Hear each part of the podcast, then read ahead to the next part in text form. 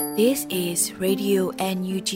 the voice of National Unity Government of Myanmar, broadcasting for Myanmar's Spring Revolution. Radio NUG is transmitting from shortwave 16 meter 17.79 megahertz at 8:30 a.m. and 25 meter 11.94 megahertz at 8:30 p.m. Myanmar Standard Time. မင်္ဂလာပါရှင်အမျိုးသားညီညွတ်ရေးအစိုးရရဲ့အတန်လွတ်ဌာနရေဒီယို NUG ကိုမန္တပိုင်း၈နိုင်ခွဲမှာလိုင်းတူ6မီတာ19.3ခွန်ကုန်းမဂါဟတ်စ်နဲ့ညပိုင်း၈နိုင်ခွဲမှာလိုင်းတူ25မီတာ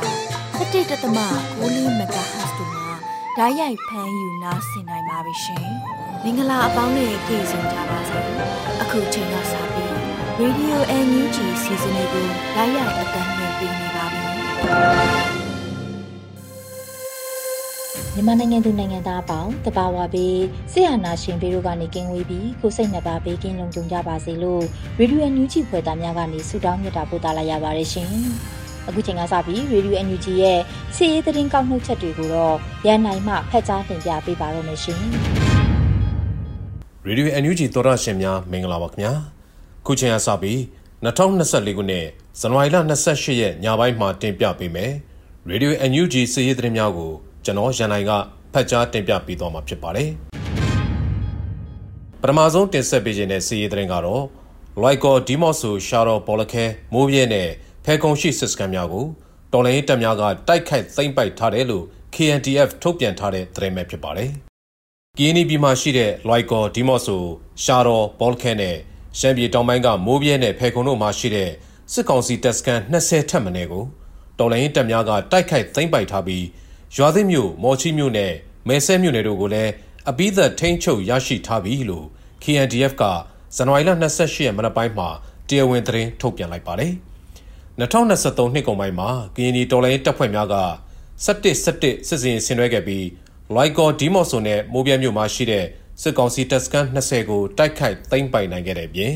ရိုက်ကော်ချိတ်ဆိုင်ဒဂါဆာကိုလည်း တိုက်ခိုက်နိုင်ခဲ့တယ်လို့ဆိုပါတယ်။ဒါ့အပြင်2024ခုနှစ်ဇန်နဝါရီလအတွင်းမှာလည်းဖဲခုံမြို့ခြေဆိုင်စကခ9ရဲ့ကာကင်းစခန်းတွေဖြစ်တဲ့လွယ်ပတာကုန်းစုံစတဲ့ကာကင်းကုန်းစခန်းများအားလုံးကိုတိုက်ခိုက်သိမ်းပိုက်နိုင်ခဲ့တယ်လို့အသိပေးထားပါတယ်။အခုနှစ်ဇန်နဝါရီလတတိယပတ်ထဲမှာ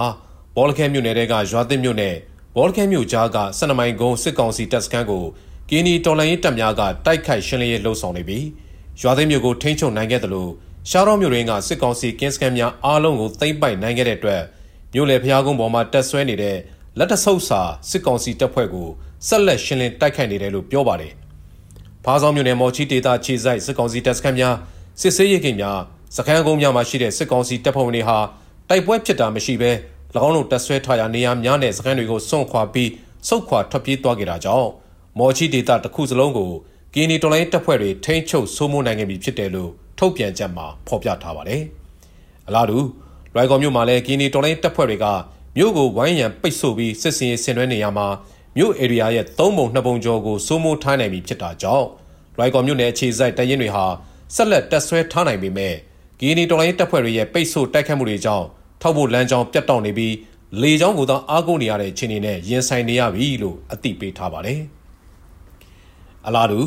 ရှမ်းပြည်နယ်တောင်ပိုင်းကမိုးပြဲမြို့နယ်ဖဲကုံမြို့တို့မှာလည်း ကင်းနီတော်လိုင်းတပ်ဖွဲ့တွေရဲ့စစ်စင်ရေးတွေကြောင့်မြို့ရင်းနဲ့မြို့ဝင်ထွက်ကိုစိုးမိုးနိုင်ခဲ့ပြီဖြစ်တာမို့စစ်ကောင်စီတပ်တွေဟာ၎င်းတို့တရင်ထဲမှာပဲခိုးအောင်တက်ဆွဲနိုင်တော့တယ်လို့သိရပါတယ်။လက်ရှိမှာတော့မဲဆဲမြို့နယ်ကိုကင်းနီတော်လိုင်းတပ်ဖွဲ့တွေအပိသက်ထိန်းချုပ်နိုင်ခဲ့ပြီးတဲ့နောက်ကင်းနီပြည်ကမြို့နယ်တည်တည်မှာစစ်ရှိန်မြင့်တက်နေတဲ့ပြင်ရှမ်းကရနယ်ဆက်စီဆိုင်မြို့နယ်အထိပါတိုက်ပွဲတွေပြင်းထန်လာတယ်လို့လည်းသိရပါတယ်။ကင်းနီတော်လိုင်းတပ်ဖွဲ့တွေအနေနဲ့မြေပြင်မှာအသာစီးရနေတဲ့အတွက်စစ်ကောင်စီဘက်ကလေကြောင်းတိုက်ခိုက်မှုတွေအားထားလှုပ်ဆောင်နေတာကြောင့် ပြည်သူလူထုအနေနဲ့လုံခြုံရေးသတိရှိကြဖို့ပြည်내မျိုးသားများကာကွယ်ရေးတပ် KNDF ကတိုက်တွန်းထားပါတယ်ခင်ဗျာအခုတခါကင်းဒီပြည်တွင်းအဖိုးတန်တပ်ထုများထွက်ရှိရာမော်ချီမြို့ကိုတော်လိုင်းတပ်များတိုက်ခိုက်သိမ်းပိုက်လိုက်တဲ့ဆိုတဲ့စီးရဲသတင်းကိုတင်ဆက်ပေးကြပါမယ်ကင်းဒီပြည်နဲ့ကင်းဒီပြည်နဲ့အဆက်မှာရှိတဲ့မော်ချီမြို့ကစစ်ကောင်စီစခန်းတွေဖြစ်တဲ့တော်ဘော်ကြောက်ကြားစခန်းနဲ့မြို့ဝင်ထွက်မှာရှိတဲ့အမှတ်နှစ်စခန်းကိုတော်လိုင်းဖွဲ့တွေကဇန်နဝါရီလ29ရက်မှာတိုက်ခတ်သိမ်းပိုက်နိုင်ခဲ့တာကြောင့် မော်ချီမြို့မှာစစ်တပ်စခန်းတွေမရှိတော့ဘူးလို့ဆိုပါတယ်ကီနီတော်လိုင်းတပ်ပေါင်းစုတွေအနေနဲ့မဲဆဲမြို့ကိုတိုက်ခတ်သိမ်းပိုင်နိုင်ခဲ့ပြီးဖြစ်တာကြောင့်မော်ချီမြို့ဟာစစ်ကောင်စီတပ်ကင်းစင်တဲ့ဒုတိယမြောက်မြို့ဖြစ်လာတယ်လို့သိရပါတယ်။ကီနီနယ်မှာစစ်ကောင်စီတပ်ရင်းအချို့တပ်ရင်းအလိုက်အလင်းဝင်လာကြဖို့သဘောတူညီမှုတွေရထားတယ်လို့ KNDF ကလည်းဇန်နဝါရီလ24ရက်နေ့မှာထုတ်ပြန်ထားတာရှိပါတယ်။ဘားဆောင်မြို့နယ်တဲကခဲမဖြူအဖိုက်နယ်နဲ့ခနောင်စိမ်းတပ်တုတွေထွက်ရှိရာမော်ချီမြို့ဟာကဘာကျော်မြို့တစ်ခုဖြစ်ပြီးဗြိတိရှကိုလိုနီခေတ်ကလေးက သတ္တုတူဖော်ရေးလုပ်ငန်းတွေလှုပ်ဆောင်နေတဲ့မြို့တစ်မြို့လည်းဖြစ်ပါတယ်ခင်ဗျာဆလဘီစီဆိုင်မြို့မှာတိုက်ပွဲမရှိဘဲနဲ့စစ်တပ်နဲ့ PNO ပြည်သူစစ်တို့ရဲ့တိုက်ခတ်မှုကြောင့်ဘုံကြီးကျောင်းနဲ့ဓမာယုံတွေပျက်စီးသွားတယ်ဆိုတဲ့သတင်းကိုလည်းတင်ဆက်ပေးပါမယ်ဇန်နဝါရီလ28ရက်ကတိုက်ပွဲဖြစ်တာမရှိဘဲအကြမ်းဖက်စစ်တပ်နဲ့ PNO အသွင်ပြောင်းပြည်သူစစ်ဖွဲ့တို့ကစီဆိုင်မြို့နယ်ပို့တိုင်းရင်းသားအများစုနေထိုင်ရာခြေရွာတွေကိုတနေကုန်နီးပါးလေကြောင်းကနေဘုံကျဲတိုက်ခိုက်တာနဲ့လက်နက်ကြီးတွေနဲ့ပစ်ခတ်တာတွေလုပ်ခဲ့တယ်လို့ပြောပါတယ်။ အဲဒီလိုတိုက်ခိုက်မှုကြောင့်ပိုးလူမျိုးတို့အထွတ်မြတ်ထားရာကောင်းမှုပါရွာဘုံကြီးကျောင်းစီဆိုင်မြို့နယ်မှာရှိတဲ့အရိယာမက်ကင်ဓမ္မယုံနဲ့ဟိုခဲဘုံကြီးကျောင်းတွင်ကအဆောက်အုံတွေနဲ့ဒေသခံပြည်သူပိုင်းအိမ်တွေပျက်စီးခဲ့တယ်လို့သိရပါတယ်။ဘိုးဒေသတည်ငြိမ်အေးချမ်းရေးအတွက်ပိုးစော်ပွားများခေတ်အဆက်ဆက်အုပ်ချုပ်ခဲ့ပြီးစော်ဝါခွန်ကြီးနောက်ဆုံးအုပ်ချုပ်ခဲ့တဲ့စီဆိုင်မျိုးကိုပိုးအမျိုးသားလူမျိုးရေးတပ်မတော် PNL ကထိန်းချုပ်ထားပြီးပိုးအမျိုးသားလန်တော်ကိုလည်းလွှင့်ထူထားပြီးဖြစ်ပါတယ်။ တနိုင်ငံလုံးအပြည့်အစုံစာချုပ် NCA လက်မှတ်ထိုးထားပြီးစစ်ကောင်စီနဲ့ထိတွေ့ဆွေးနွေးမှုလှုပ်ဆောင်ခဲ့တဲ့ PNL PNL ကစစ်ကောင်စီကိုပြန်လည်တိုက်ခိုက်တော့မယ်လို့ကြေညာပြီးတဲ့နောက်ရပ်ပိုင်းတွင်းမှာပဲမြို့တစ်မြို့ကိုသိမ်းနိုင်ထိန်းချုပ်နိုင်ကြတာလည်းဖြစ်ပါတယ်ခင်ဗျာ။အခုတခါမုံရွာနာမခမှတောဘူးရွာကိုအင်အားလာဖြစ်တဲ့စစ်ကောင်စီကားနှစ်စီးကိုမိုင်းဆွဲတိုက်ခိုက်ခဲ့တဲ့ဆိုတဲ့စီးရဲတဲ့ရင်ကိုလည်းတင်ဆက်ပေးကြပါတယ်။စကိုင်းတိုင်းမုံရွာမြို့ကနေတောဘူးပြူစောတိရွာကိုအင်အားလာဖြစ်တဲ့ ဂျမ်မာတက်ဆင်ထားတဲ့စစ်ကားနှစ်စီးကိုမိုင်းဆွဲတိုက်ခိုက်ခဲ့တယ်လို့ Area 71မုံရွာ PDF ဖွဲ့ကထုတ်ပြန်ပါတယ်။ဇန်နဝါရီလ28ရက်နေ့မနက်4နာရီခွဲချိန်ခန့်မှာမုံရွာမြို့မှာရှိတဲ့နောက်မြောက်တိုင်းစစ်ဌာနချုပ်ကအင်အားအပြည့်နဲ့ဂျမ်မာတက်ဆင်ထားတဲ့စစ်ကားနှစ်စီးတောဘူးပြူရွာမှာအင်အားဖြည့်ဖို့ထွက်လာတယ်လို့သတင်းရတာကြောင့်တိုက်ခိုက်ခဲ့တာလို့သိရပါတယ်။အဲ့ဒီကားနှစ်စီးကိုမနက်9:00မိနစ်20ခန့်မှာသုံးလုံးတရဲမိုင်းပွိုင်းနဲ့နှစ်နေရာခွဲပြီးမိုင်းဆွဲတိုက်ခိုက်ခဲ့တာလို့ Area 71မုံရွာ PDF ဖွဲ့ပြန်ကြားရေးတာဝန်ခံကအသိပေးပါတယ်။မိုင်းဆွဲခံလိုက်ရတာကြောင့်ကားပေါ်ကစစ်သားတွေကားပေါ်ကဆင်းပြေးကြတာကြောင့်ထိခိုက်ဒေဆုံးမှုအခြေအနေကိုစောင့်မကြည့်နိုင်ခဲ့ဘူးလို့လည်းပြောပါတယ်။စစ်ကောင်စီတပ်ဘက်ကအင်အားများတာကြောင့်ပြည်သူ့ကာကွယ်ရေးရဲဘော်တွေအနေနဲ့လည်းမိုင်းဆွဲပြီးတာနဲ့ပြန်လည်ဆုတ်ခွာခဲ့ရတယ်လို့အသိပေးထားပါတယ်။မုံရွာခရိုင်ပြည်သူ့ကာကွယ်ရေးအဖွဲ့တွေကတခုဖြစ်တဲ့ Area 71မုံရွာပြည်သူ့ကာကွယ်ရေးအဖွဲ့ဟာဇန်နဝါရီလ25ရက်နေ့ကလည်းမုံရွာနမခကနေ လက်နက်နဲ့ရိတ်ခါတင် Express မှန်လုံးကားတစ်စီးကိုလည်းမိုင်းဆွဲတိုက်ခိုက်ခဲ့ပါတယ်ခင်ဗျာအခုနောက်ဆုံးစစ်အာဏာရှင်စနစ်အမြင့်ပြတ်ရေးပြည်သူတရလုံးပေါ်ထားတဲ့သဘောထားမပြောင်းလဲဘူးလို့ညီနောင်သုံးဘွဲ့ပြောကြားလိုက်တဲ့သတင်းကိုတင်ဆက်ပေးပါမယ်။10နှစ်ကုန်စစ်စင်3လတာကာလပြည့်မြောက်တဲ့ဇန်နဝါရီလ29ရက်နေ့မှာကိုကန်တက် MNDAA တောင်းတက် TNL နဲ့ရခိုင်တပ်တော် AA တို့ကအခုလိုပဲအတိပေးကြေညာလိုက်တာဖြစ်ပါတယ်။10နှစ်ကုန်စစ်စင်စတင်ခဲ့တဲ့ 2023ခုနှစ်အောက်တိုဘာလ29ရက်နေ့ကနေ2024ခုနှစ်ဇန်နဝါရီလ28ရက်အထိစစ်စင်ရေး3လတာပြည့်တဲ့တိုင်စစ်စင်ရေးရည်မှန်းချက်တွေ 0.001မျှပင်ရော်နေသွားခြင်းမရှိဘူးလို့ပြောပါတယ်။ဒါဟာဆီယနာရှင်စနစ်အမြင့်ပြတ်ရေးဆိုတဲ့မြန်မာပြည်သူလူထုတရလုံးအပေါ်ထားတဲ့ညီတော်မဟာမိတ်သုံးဘွဲ့ရဲ့မပြောင်းလဲသောသဘောထားလည်းဖြစ်တယ်လို့လည်းထုတ်ပြန်ကြမှာဖော်ပြထားပါတယ်။ဒါကြောင့်တောင်ဝကျေတဲ့ပြည်သူများရဲ့ပေးဆက်မှုအနစ်နာခံမှုများကိုအသိမှတ်ပြုတဲ့အနေနဲ့ ဆီယနာရှင်စနစ်ကိုတော်လှန်နေကြတဲ့သူများအားလုံးအနေနဲ့ယခုထက်ပိုမိုအားထုတ်စ조사ကြဖို့ညီတော်သုံးဘွဲ့ကတိုက်တွန်းထားပါတယ်။လက်ရှိမှာတရုတ်ဆိုးရရဲ့ဂျာဝင်ညီနိုင်ပေးမှုကြောင့်ကိုကန်ဒေသနဲ့တောင်ဒေသတွေမှာစစ်ရေးအခြေအနေတည်ငြိမ်နေပြီးနှစ်ဖက်ရင်ဆိုင်တိုက်ပွဲတွေကြီးကြီးမားမားမရှိပေမဲ့ရခိုင်ဒေသမှာတော့စစ်ရေးအရှိန်မြင့်တက်နေဆဲဖြစ်ပါတယ်ခင်ဗျာအခုတင်ပြခဲ့တဲ့စစ်ရေးသတင်းတွေကိုတော့ Radio NUG သတင်းတောက်မင်းတီဟန်နဲ့ကိုခန့်တို့ကပေးပို့ထားတာပဲဖြစ်ပါတယ်ခင်ဗျာ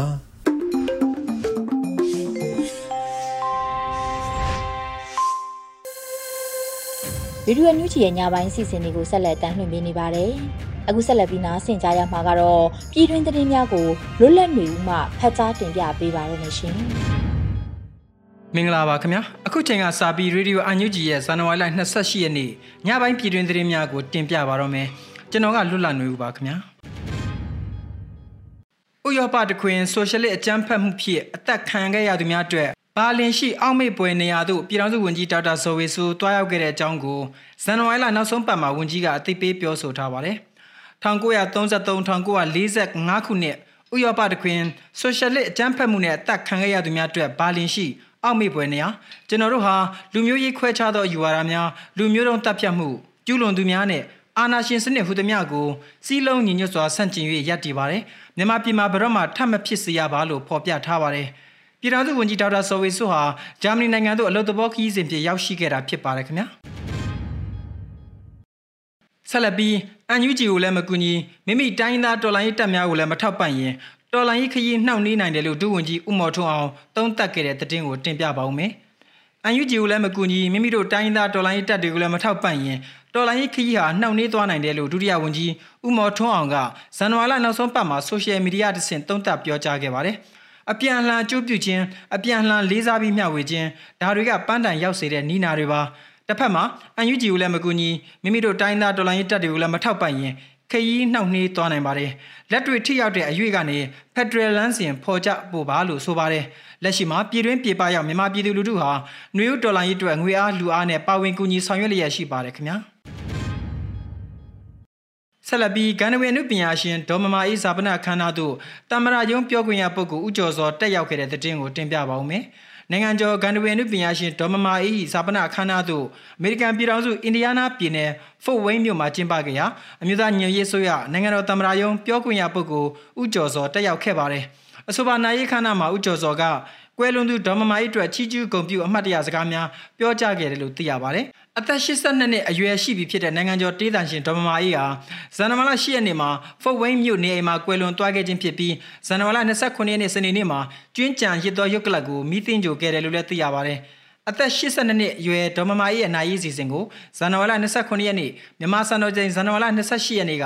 အမေရိကန်ပြည်ထောင်စုအင်ဒီယားနားပြည်နယ်ဖော့ဝိန်းမြို့မှာကျင်းပခဲ့ရာအမေရိကန်ရောက်မြန်မာနိုင်ငံသားအများပြားလိုက်ပါပို့ဆောင်ခဲ့ကြပါတယ်ခင်ဗျာ။ ဆက်လက်ပြီးအခကြီးငွေကောက်ခံတဲ့ကျောင်းတွေကိုအသိမှတ်မပြုဘူးလို့အန်ယူဂျီပညာရေးဝန်ကြီးဌာနကအသိပေးခဲ့တဲ့သတင်းကိုတင်ပြပါဦးမယ်။အခကြီးငွေသတ်မှတ်ကောက်ခံပြီးအကျိုးမြတ်ရယူဆောင်ရွက်နေတဲ့အခြေခံပညာကျောင်းတွေကိုအသိမှတ်ပြုထားတာမရှိဘူးလို့အမျိုးသားညွရေးဆိုရအန်ယူဂျီပညာရေးဝန်ကြီးဌာနကအသိပေးကြေညာခဲ့ပါတယ်။အမျိုးသားညွရေးဆိုရအန်ယူဂျီပညာရေးဝန်ကြီးဌာနကဂျာကာလာအခြေခံပညာပြည်သူပညာရေးကျောင်းများအဖြစ်အသိမှတ်ပြုခြင်းဆိုင်ရာသဘောထားကိုဇန်နဝါရီလ26ရက်နေ့ရက်စွဲနဲ့ထုတ်ပြန်ထားတာဖြစ်ပါတယ်။ စစ်အာဏာရှင်ကိုတွန်းလှန်တိုက်ပွဲဝင်နေခြင်းဖြစ်တဲ့အတွက်ပညာသင်ယူခွင့်ဆုံးရှုံးနေတဲ့စီရီယမ်ကျောင်းသားကျောင်းသူတွေအတွက်ဂျာကာလာပညာသင်ယူခြင်းလုပ်ငန်းကိုဆောင်ရွက်ရမှာပြည်သူများကျောင်းသားမိဘများထည့်ဝင်လှူဒါန်းငွေနဲ့လဲပတ်နေတဲ့အခမဲ့ပညာရေးစနစ်ဖြစ်တယ်လို့ဆိုပါတယ်။ဒါကြောင့်အခမဲ့ပညာရေးစနစ်ဖြစ်ဆောင်ရွက်နေတဲ့ကျောင်းတွေနဲ့သာလက်တွဲဆောင်ရွက်နေတယ်လို့လည်းအသိပေးထားပါတယ်။ UNG ပညာရေးဝန်ကြီးဌာနအနေနဲ့ပြည်သူပညာရေးကျောင်းအသိမှတ်ပြုမူဝါဒ17ချက်နဲ့ကိုက်ညီပြီး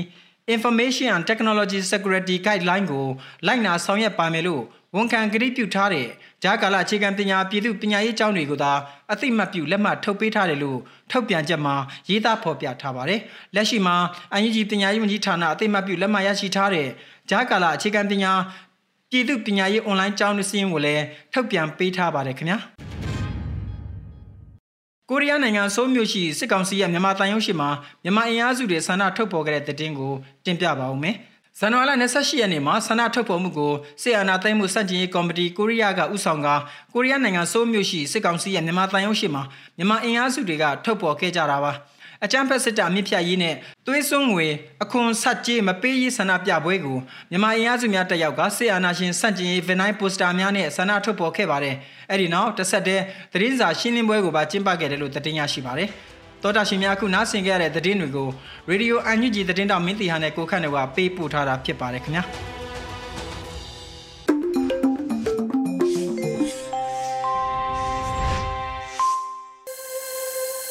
ရေဒီယိုညူးဂျီကိုနာတော်တာဆင်နေတဲ့ပရိသတ်များရှင်အခုဆက်လက်ပြီးနားဆင်ကြရမှာကတော့အမျိုးသားညီညွတ်ရေးအစိုးရပြည်ထောင်စုဝန်ကြီးချုပ်မန်းဝင်းခိုင်တန်းမှຫນွေဦးအိမ်ပြန်လန်း သွေးစည်းညီညွတ်ခြင်းပြရုပ်လူထုလှုပ်ရှားမှုအတွက်ပေးပို့တဲ့အမတ်တရစကားအတန်ကိုနားဆင်ကြရတော့မှာဖြစ်ပါတယ်ရှင်။အားလုံးမင်္ဂလာပါ။သွေးစည်းညီညွတ်ခြင်းပြရုပ်လူထုလှုပ်ရှားမှု People Solidarity Movement တခုဖြစ်ຫນွေဦးအိမ်ပြန်လန်းဆိုတဲ့လှုပ်ရှားမှုကိုပြုလုပ်နေကြတာတွေ့ရပါတယ်။ဒီလှုပ်ရှားမှုကိုဥဆောင်စီစဉ်ကြသူတွေအားထုတ်ကြိုးပမ်းကြသူတွေနဲ့ပူးပေါင်းပါဝင်ကြသူတွေအားလုံးကို အထူးပဲကျေးဇူးတင်ကြောင်းပြောလိုပါတယ်။ဘာဖြစ်လို့လဲဆိုတော့ဒီလှုပ်ရှားမှုမျိုးဟာဒီလိုအချိန်ကာလမှာအထူးကိုလိုအပ်နေတာကြောင့်ဖြစ်ပါတယ်မြန်မာသမိုင်းတစ်လျှောက်စစ်အာဏာရှင်စစ်စစ်ဟာသူတို့အာဏာတည်မြဲရေးအတွက် divided and rule လို့ခေါ်တဲ့သွေးခွဲအုပ်ချုပ်ရေးနည်းစနစ်ကိုဒီဇိုင်းမှတ်မှတ်ကျင့်သုံးခဲ့ကြတာကြောင့်အသားအရောင်ယုံကြည်ကိုးကွယ်မှုနဲ့အခြားသောမတူကွဲပြားမှုတွေကိုအကြောင်းပြုပြီး မြန်မာနိုင်ငံတွင်းမှာရှိနေကြတဲ့တိုင်းသားဘောင်းစုံလူမျိုးဘောင်းစုံသောပြည်သူတွေအချင်းချင်းကြားထဲမှာအမြင်မကြည်လင်မှုတန်တရားမယုံကြည်မှုစတဲ့စူးတွေအနေနဲ့အများစိတ်ဝင်နေကြပါတယ်အခက်အခဲပေါင်းများစွာကိုကြော်ဖြတ်ပြီးဘုံကြီးမှန်းချက်ပန်းနိုင်တစ်ခုကိုအတူတကွရယူဆွဲကင်နိုင်ကြဖို့ကြိုးစားကြတဲ့အခါမှာသွေးစည်းညီညွတ်မှုတစ်ခုဟာ မရှိမဖြစ်လိုအပ်တာကြောင့်ဒီစူးတွေကိုတစ်ချောင်းချင်းဆွဲနှုတ်ပြချဖို့ကတိတ်အရေးကြီးလာပါတယ်။ဒါပြင်ယခုလက်ရှိအချိန်ကာလမှာဆိုရင်လည်းတော်လိုင်းအင်အားစုတွေအားလုံးရဲ့ပေါင်းစည်းမှုဖြစ်စဉ်ကိုနီလန်းပေါင်းစုံနဲ့အနောက်ရှက်ပေးနေတဲ့ပတ်ဝန်းကျင်ရဲ့ဖိအားတွေလည်းရှိနေတာဖြစ်တယ်လို့အဲ့ဒီဖိအားတွေကိုတွန်းကန်ခြေပြက်ပြစ်ဖို့ဆိုတာကလည်းပြည်သူလူထုတရက်လုံးရဲ့ အားပေးထောက်ခံမှုအင်အားကသာလျှင်စွမ်းဆောင်နိုင်မှာဖြစ်ပါတယ်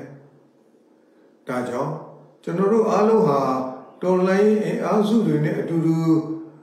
သွေးစည်းကြည်ညွတ်စွာရှိနေပြီးအဲ့ဒီစည်းလုံးမှုကိုဘယ်သူကမှလာရောက်ဖိအားပေးရုပ်လျှော့စေတာမျိုးလုံးဝလက်မခံနိုင်ဘူးဆိုတာကိုຫນွေဦးအိမ်ပြန်လန်းလှုပ်ရှားမှုမှာပါဝင်ကြခြင်းဖြစ်စေအခြားသောနေလန်းပေါင်းစုံနဲ့ဖြစ်စေ ပူးပေါင်းပါဝင်ပြသပေးကြဖို့ကိုလည်းပြည်သူလူထုတရက်လုံးကိုဒီနေရာကနေတိုက်တွန်းလိုက်ပါတယ်ကျွန်တော်တို့အားလုံးမျှော်လင့်တောင်းတနေကြတဲ့အိမ်ပြန်ကြီးတစ်ခုကိုရောက်နိုင်ဖို့ကျွန်တော်တို့ရဲ့စိတ်နှလုံးတွေကိုမခွဲမခြားတစားရဲထားပြီးသွေးစည်းညီညွတ်စွာနဲ့ကိုလန်ကိုပေါက်ကိုရန်လျှောက်ပြီးအိမ်ရောက်ပြန်ကြပါစို့လို့တိုက်တွန်းပြောကြားခြင်းပါတယ်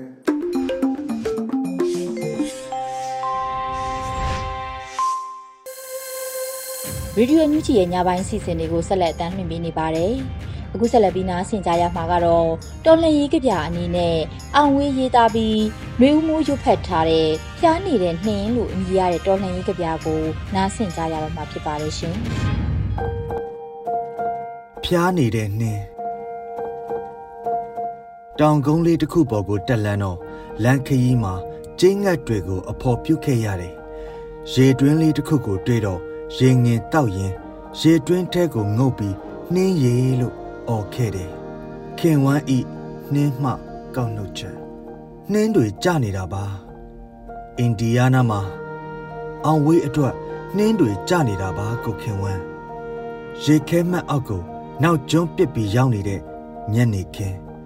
နှင်းတွေထူထူထဲထဲကျနေတယ်ခမည်းရဲ့လွမ်းတက်တဲ့နှင်းတွေတော့မဟုတ်ပါဘူးအခုကျနေတာက ဒေါ်ဂျီအေးရဲ့နှင်းတွေလေနှင်းခင်းဖုံးကွယ်နိုင်ငံကျယ်စွာကျွဲဟန်ဆောင်သည်နှင်းမောင်ကန္နာရတကားတဲ့ဂျီအေးရဲ့ရက်ဆက်တဲ့နှင်းတွေပါကိုခင်ဝမ်းအမေရိကရဲ့အရှိတ်ဘက်ကမ်းရိုးတန်းမှာနှင်းမုန်တိုင်းကျန်းလန်တလားနေရဲ့အလဲပိုင်းကုန်းတွင်းကြအင်ဒီယားနာကတော့မုန်တိုင်းကိုဝတ်ဆင်မလာတဲ့နေကက်စနိုးတွေကြတဲ့ပေါ်ရေခဲမှတ်အောင်မမြင်ရတဲ့ကောင်းကင်အောက်မှာ အဲ့ဒီနှင်းတွေဖျောက်ထားလို့ကျွန်တော်လမ်းပြောင်းနေတယ်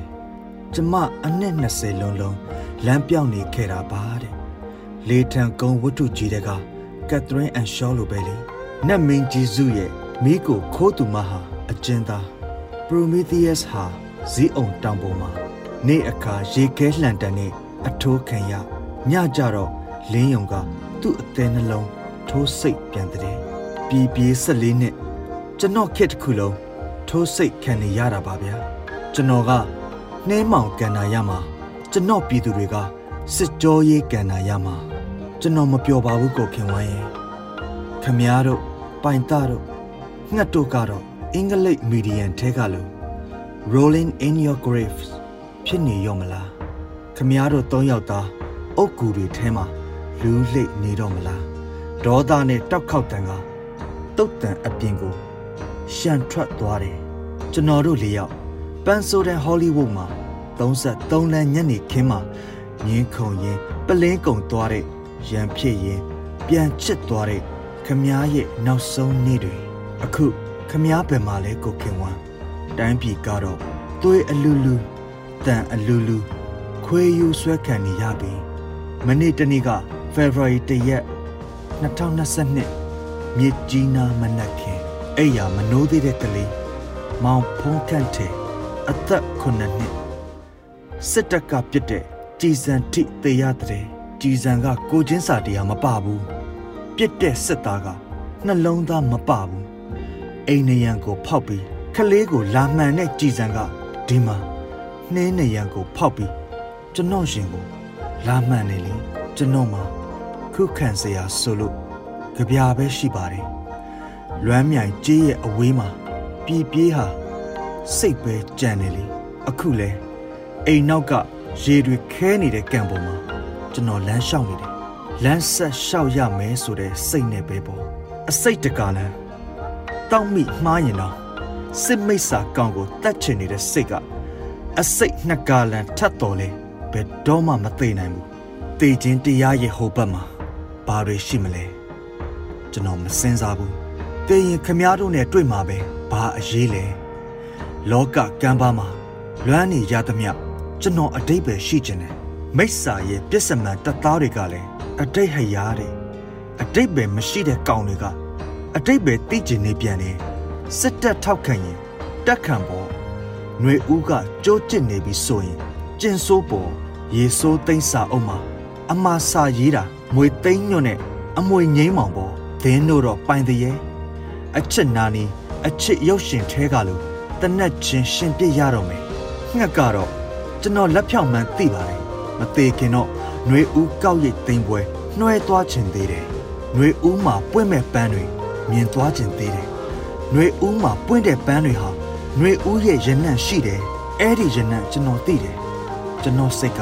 အဲ့ဒီခရမ်းလူရောင်ရနံ့ကိုရတယ်ကိုခင်ဝမ်းစစ်ခွေးတွေကြဆုံးသွားတိုင်းပြည်ဘေးကင်းသွား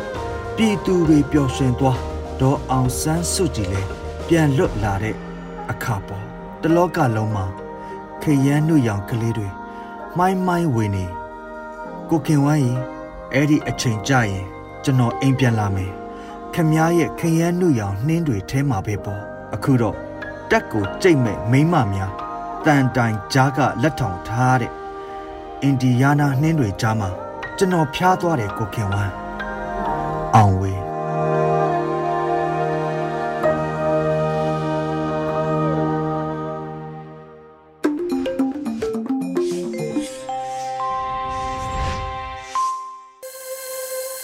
တော်တာရှင်များရှင်အခုနောက်ဆုံးအနေနဲ့ကျန်းမာရေးပညာပေးကဏ္ဍအစီအစဉ်မှာတော့တတိပြုစရာငှက်ဖျားယောဂအကြောင်းကိုနေဦးနိုင်ကဖတ်ကြားတင်ပြပေးထားပါတယ်ရှင်ငှက်ဖျားယောဂမလေရီးယား အခုဆိုရင်မိုးဦးကြကာလရောက်ပြီဆိုတော့ချင်းပေါက်ဖွားမှုကလည်းပုံမှုများပြားလာတာကြောင့်ချင်းကနေတဆင့်ကူးစက်နိုင်တဲ့ယောဂတွေကိုလည်းအထူးသတိထားဖို့လိုအပ်တဲ့ကာလဖြစ်ပါတယ်။ဒါကြောင့်ဒီနေ့မှာတော့ချင်းကနေကူးစက်တတ်တဲ့ယောဂတစ်ခုဖြစ်တဲ့ငှက်ဖျားယောဂအကြောင်းကိုပြောပြပေးသွားမှာဖြစ်ပါတယ်။ငှက်ဖျားယောဂဟာအများထင်နေကြသလိုငှက်ပြောသီးစားလို့စိတ်ဆန်းရည်တောက်လို့ဖြစ်ရတာမဟုတ်ပါဘူး။ Plasmodium အမည်ရှိတဲ့ကပ်ပါးကောင်ကြောင့်ဖြစ်တဲ့ယောဂတစ်မျိုးဖြစ်ပါတယ်။ အဲ့ဒီယောဂပိုးကိုတည်ဆောင်ထားတဲ့ Anopheles ခြင်မှကိုက်ခံရတာကနေတဆင့်ကူးစက်တာဖြစ်ပါတယ်။ဒါဆိုရင်ခြင်ကိုက်ရာကနေဘယ်လိုယောဂကူးနိုင်တယ်လဲဆိုတာကိုသိထားဖို့လိုအပ်ပါတယ်။မြန်မာပြည်မှာတော့ Plasmodium vivax နဲ့ Plasmodium falciparum တို့ကိုအတွေ့များပါတယ်။ဒါဆိုရင်ခြင်ကိုက်ရာကနေဘယ်လိုယောဂကူးနိုင်တယ်လဲဆိုတာကိုသိထားဖို့လိုအပ်ပါတယ်။ခြင်မတွေဟာသူတို့တည်ဆောင်ထားတဲ့ခြင်ဥတွေကြီးထွားဖွံ့ဖြိုးဖို့လိုအပ်တဲ့အာဟာရအတွက် လူတွေကိုကိုက်ပြီးသွေးကနေတဆင့်ရယူတာဖြစ်ပါတယ်။အဲဒီလိုကိုက်ပြီးသွေးကိုစုပ်ယူတဲ့အခါမှာသွေးခဲမသွားအောင်သူတို့ရဲ့တတွေးကိုအရင်ထွေးထည့်ပါတယ်။ဒါကြောင့်ယောဂပိုးတည်ဆောင်ထားတဲ့ခြင်အကိုက်ခံရပြီဆိုရင်ယောဂပိုးကခြင်တတွေးကနေတဆင့်အကိုက်ခံရသူရဲ့သွေးထဲကိုရောက်သွားပြီးကူးစက်တာဖြစ်ပါတယ်။ငှက်ဖျားယောဂဟာအများအားဖြင့်တော့အပူပိုင်းဒေသတွေနိုင်ငံတွေမှာအဖြစ်များပါတယ်။တစ်နှစ်ကိုလူဦးရေတန်း290လောက်နီးပါးဟာ ငှက်ဖျားယောဂကူးစက်ခံရပြီး၄သိန်းလောက်သေဆုံးနေကြတာမို့ငှက်ဖျားယောဂဟာလုံးဝမပေါ်ဆသင့်တဲ့ယောဂဖြစ်ပါတယ်။ငှက်ဖျားရဲ့ယောဂလက္ခဏာတွေကတော့ချမ်းတုံပြီးအဖျားကြီးခြင်းခေါင်းကိုက်ခြင်းပြုတ်အန်ခြင်းဝမ်းလျှောခြင်းဗိုက်နာခြင်းကိုလက်ကိုက်ခဲခြင်းမောပန်းခြင်းအသက်ရှူမြန်နေခြင်းနှလုံးခုန်မြန်ခြင်းချောင်းဆူခြင်းဒီထက်ပိုဆိုးလာမဲဆိုရင်တော့သွေးအားနေခြင်းမျက်လုံးတွေဝါခြင်း စီးတွေဝါခြင်းသွေးယူစိမ့်ခြင်းသွေးအန်ခြင်း